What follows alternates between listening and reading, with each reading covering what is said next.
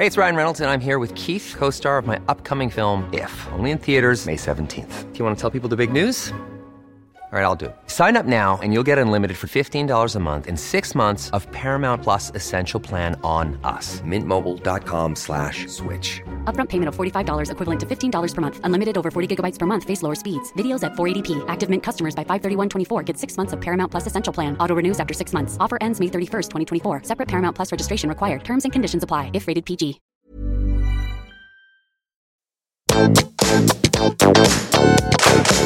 Hei,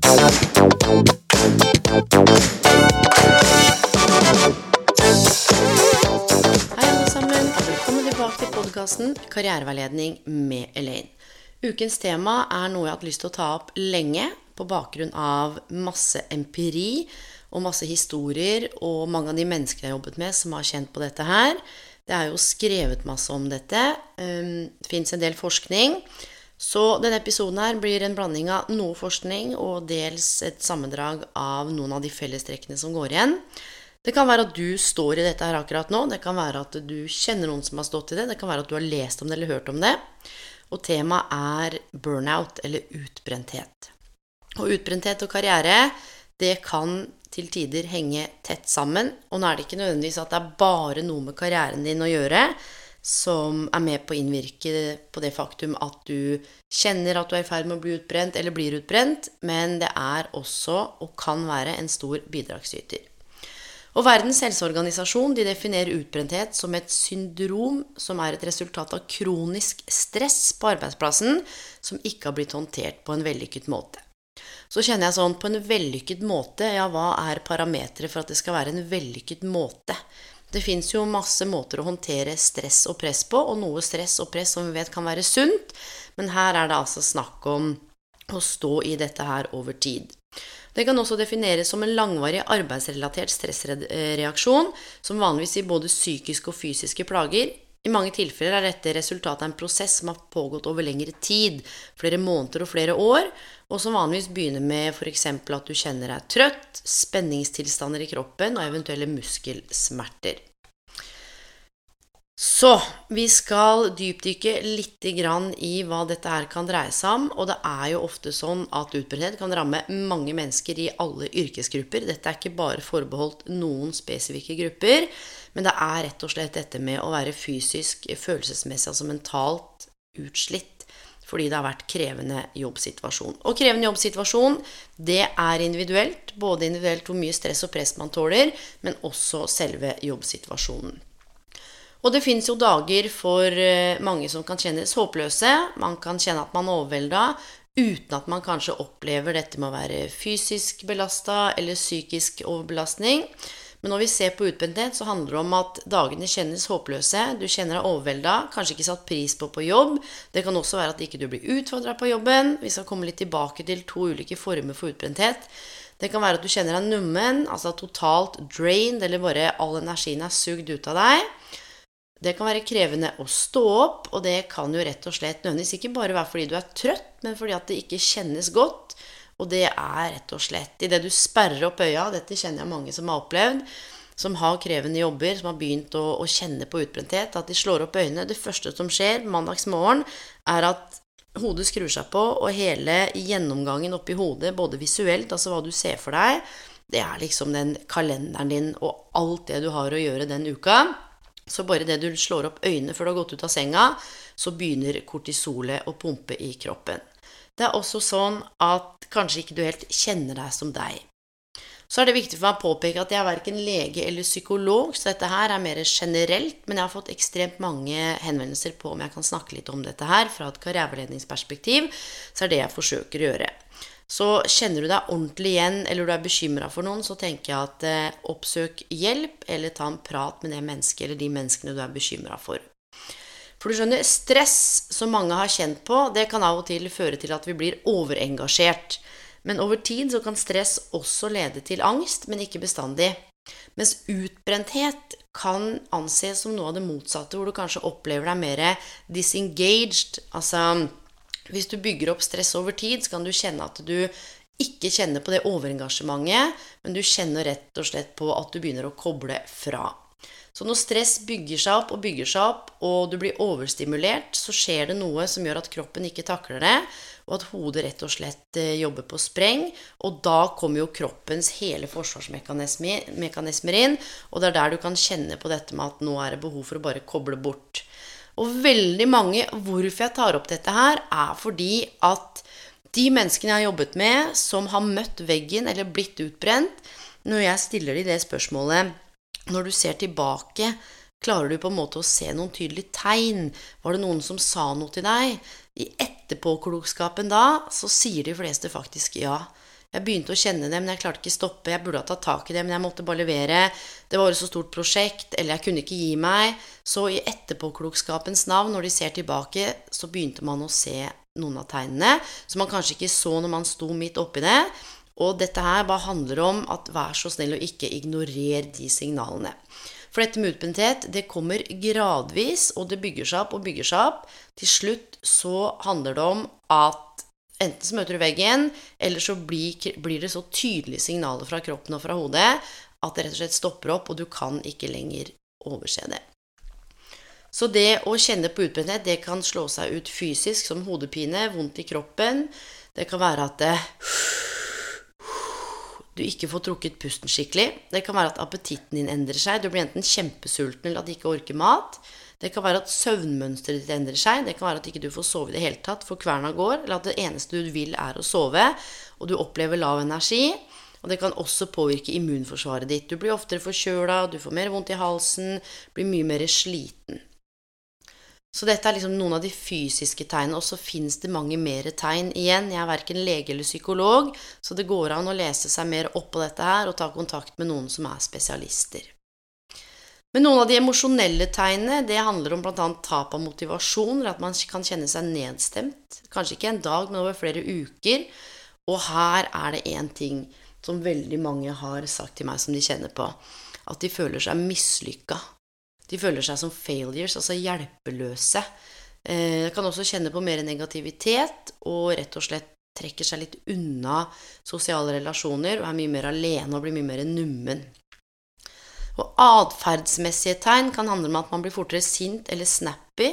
Man overreagerer for man blir mer nærtagen. Man kan trekke seg unna. Det kan være at man utsetter eller begynner å prokrastinere arbeid som man tidligere har funnet eh, glede i. da. Det kan være at man kanskje går tidlig fra jobben, begynner å glemme ting, eh, isolerer seg og kanskje røyker mer, snuser mer eller drikker mer.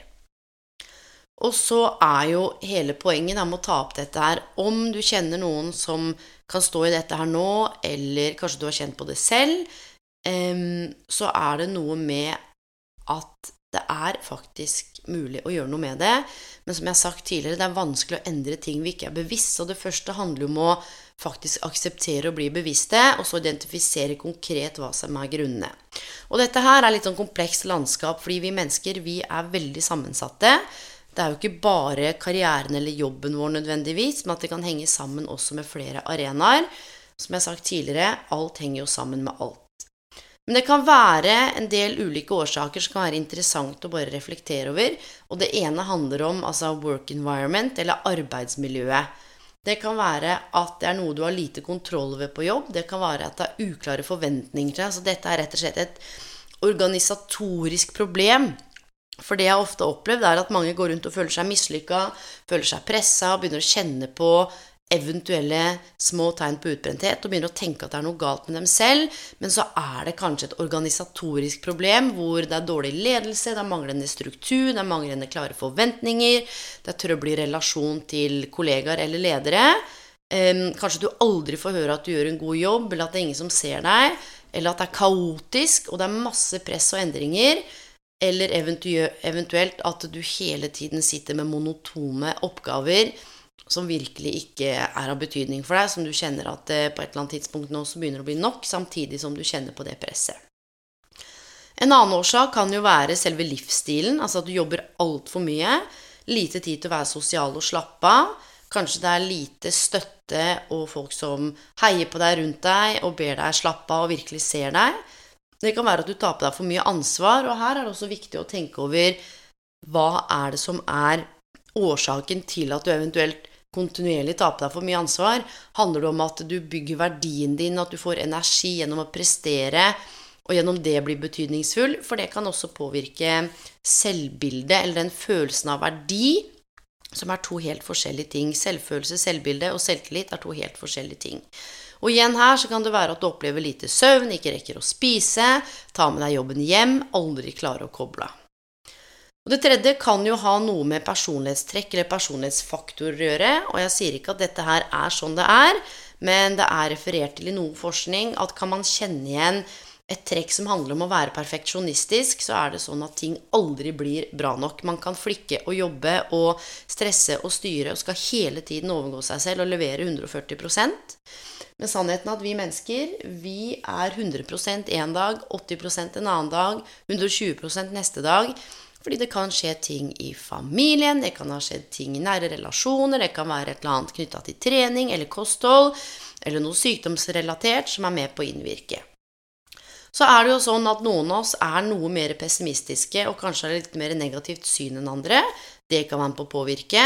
Men jeg tenker at det er viktig her, og hvorfor jeg gjør denne episoden, er fordi selv om du kan kjenne noen av disse trekkene eller tegnene, så betyr det ikke at du er utbrent, men det betyr bare å kunne sette seg ned, stoppe opp litt og gi deg selv den gaven av å virkelig gi deg litt egenomsorg og se litt hvor du er i dette landskapet her.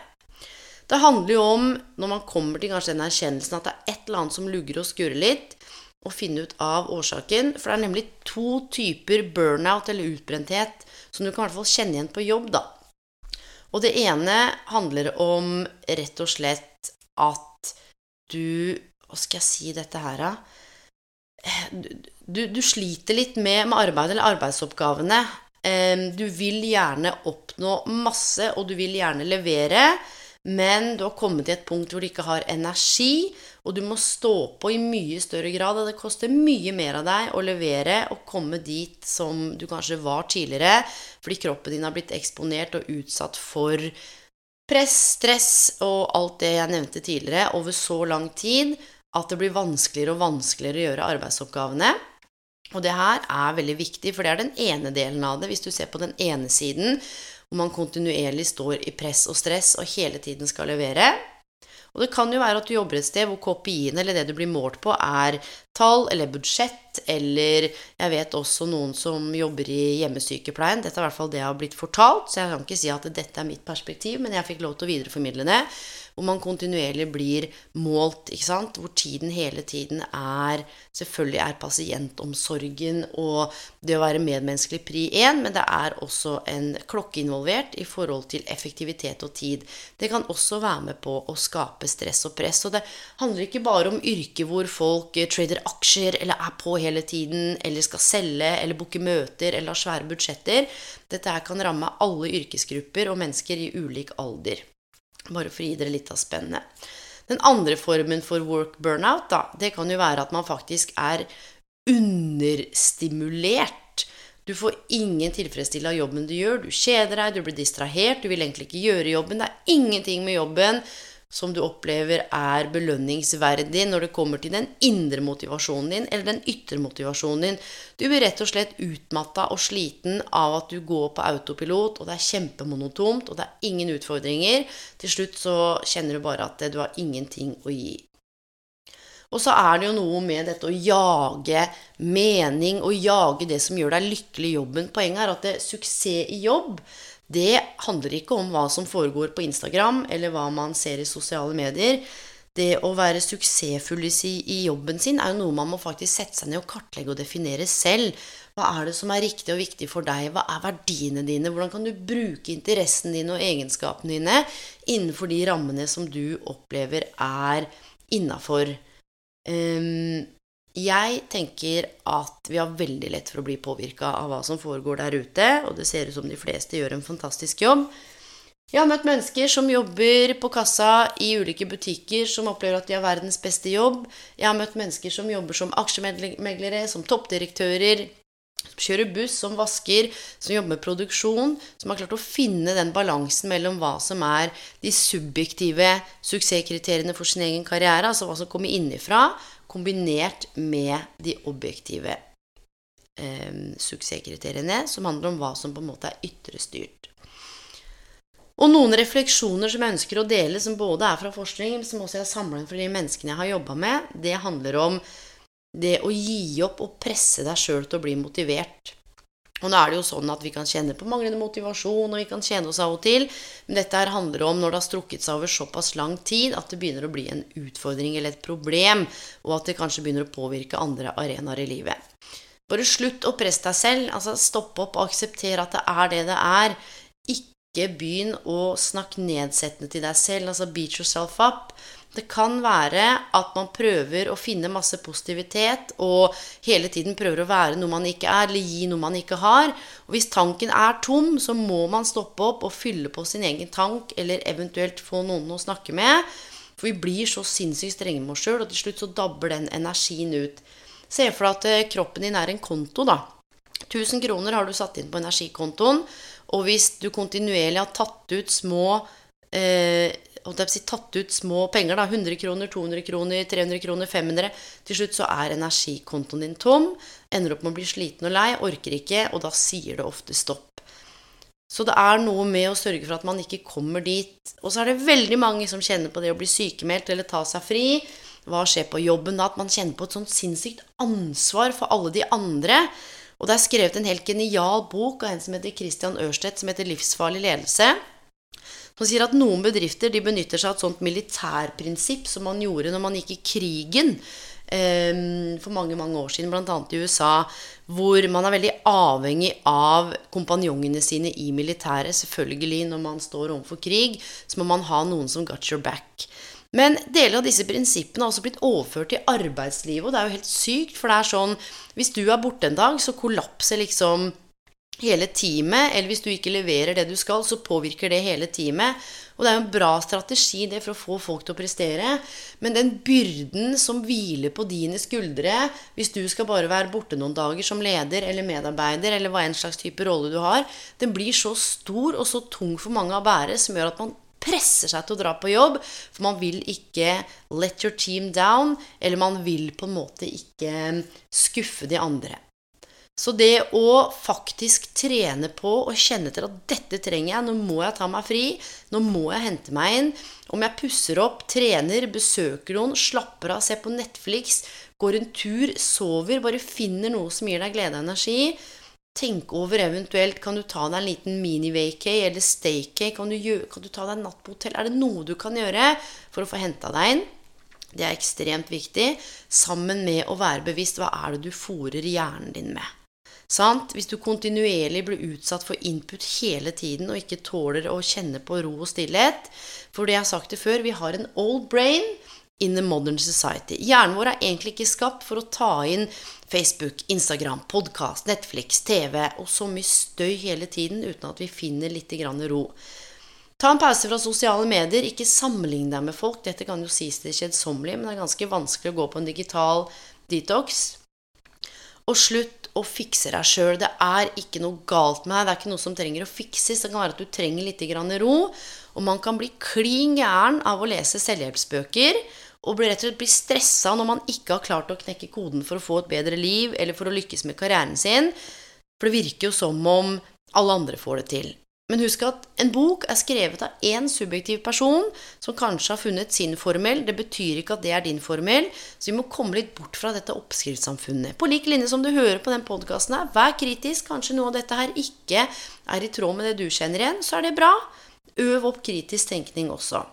Det er nemlig sånn at om man virkelig har utbrenthet, eller kjenner på det, så er det ikke så lett å lese seg ut av problemene og hele tiden skulle finne løsninger lov at du kanskje leser noe annet, da, som romaner, noveller eller fiction.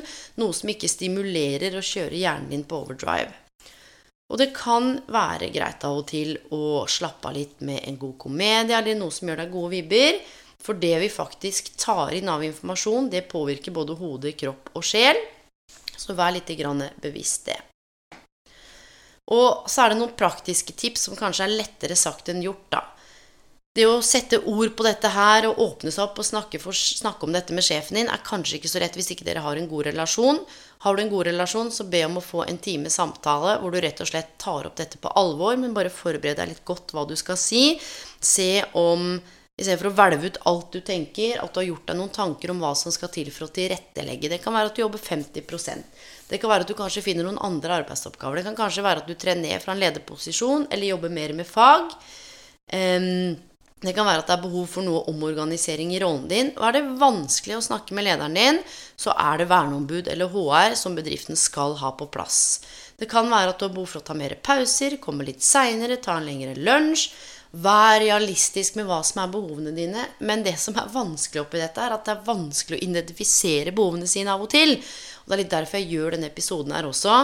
For det er én ting mange av oss er dårlige på, så er det faen meg å sette grenser og være tydelig Og skille mellom hva er dine krav og forventninger, og hva er andres krav og forventninger. Det er ikke sikkert at du trenger noen som utfordrer deg kjempemye nå, men at du trenger noen som kan romme det du kommer med. Det kan være at du må sette noen prosjekter på hold. Det kan være at du kjenner på at nå er du faktisk ikke i flow, så kanskje Per eller Kari eller noen andre skal ta over de arbeidsoppgavene, så kan du gjøre noen annet i perioder. Og fortsetter du å jobbe, så sett av konkret tid og planlegg når du skal lese e-poster, når du skal ta telefoner. Ha dedikert tid, og gjerne ha på alarm på klokka di som sier ifra at du må ta pauser. Eventuelt, om det er noe med miljøet, så spør om du kan jobbe hjemmefra. Så Men er det sånn at du kjenner på en sånn type burnout som handler om manglende Altså rett og slett lyst og kjedsomhet i arbeidsoppgavene, at du blir helt utmatta der. Snakk med sjefen din. Her kan det være at det er noe ekstra ansvar du kan ta. Kanskje vi kan snakke om forfremmelse. Kanskje det er noen sideprosjekter eller kurs du kan ta. Så at du får brukt kreativiteten din. At det blir liksom en sånn antidote eller motsetning til at du sitter der og føler deg helt verdiløs fordi du virkelig kjeder deg. Kanskje du kan komme opp med noen nye og gøye prosjekter. Kanskje det er et eller annet som gjør at du kan føle på mer utfordringer og mer energi. At du kommer litt ut av den rutinen. Men her gjelder det igjen å være bevisst hvilken type burnout du står i, og hva som skal til. Det er også veldig mange som isolerer seg når de ikke har det bra. Også når de mangler utfordringer. Så er det helt sentralt kanskje å finne et støtteapparat sånn at du får muligheten til å sette ord på hvordan du har det. Det trenger ikke være HR, det trenger ikke være lederen din, det trenger ikke være at bestevennen din Det er ikke alle som har nære venner. Det kan være noen du chatter med, det kan være noen du gamer med, det kan være en tidligere kollega, det kan være noen som du i hvert fall kjenner at du stoler på.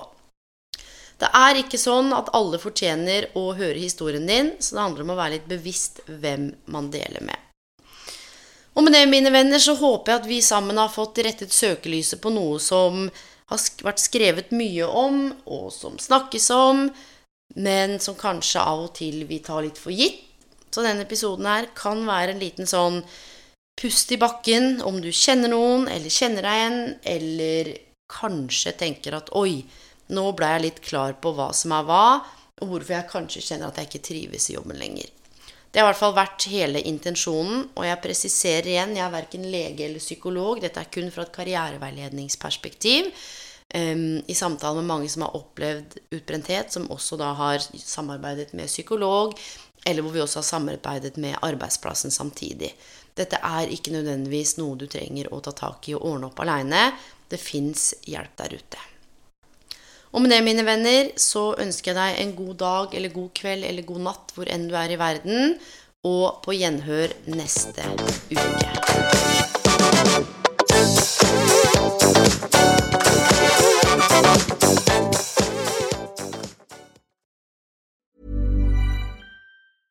Imagine the softest sheets you've ever felt. Now imagine them getting even softer over time. That's what you'll feel with Bowl and Branch's organic cotton sheets. In a recent customer survey, 96% replied that Bowl and Branch sheets get softer with every wash. Start getting your best night's sleep in these sheets that get softer and softer for years to come. Try their sheets with a 30-night guarantee. Plus, get 15% off your first order at bowlandbranch.com. Code BUTTERY. Exclusions apply. See site for details. My business used to be weighed down by the complexities of in person payments. Then, Tap to Pay on iPhone and Stripe came along and changed everything. With Tap to Pay on iPhone and Stripe, I streamlined my payment process effortlessly. Now I can accept in person, contactless payments right from my iPhone. No extra hardware required. What's truly remarkable is how I can cater to all of my customers' payment preferences. Whether they're using cards, Apple Pay, or other digital wallets, Tap to Pay on iPhone and Stripe ensure a smooth checkout experience every time. And it's not just me. Stripe helps businesses of all sizes, from local markets to global retailers, scale quickly and stay agile. To learn how Tap to Pay on iPhone and Stripe can help grow your revenue and reach, visit stripe.com slash tap iPhone.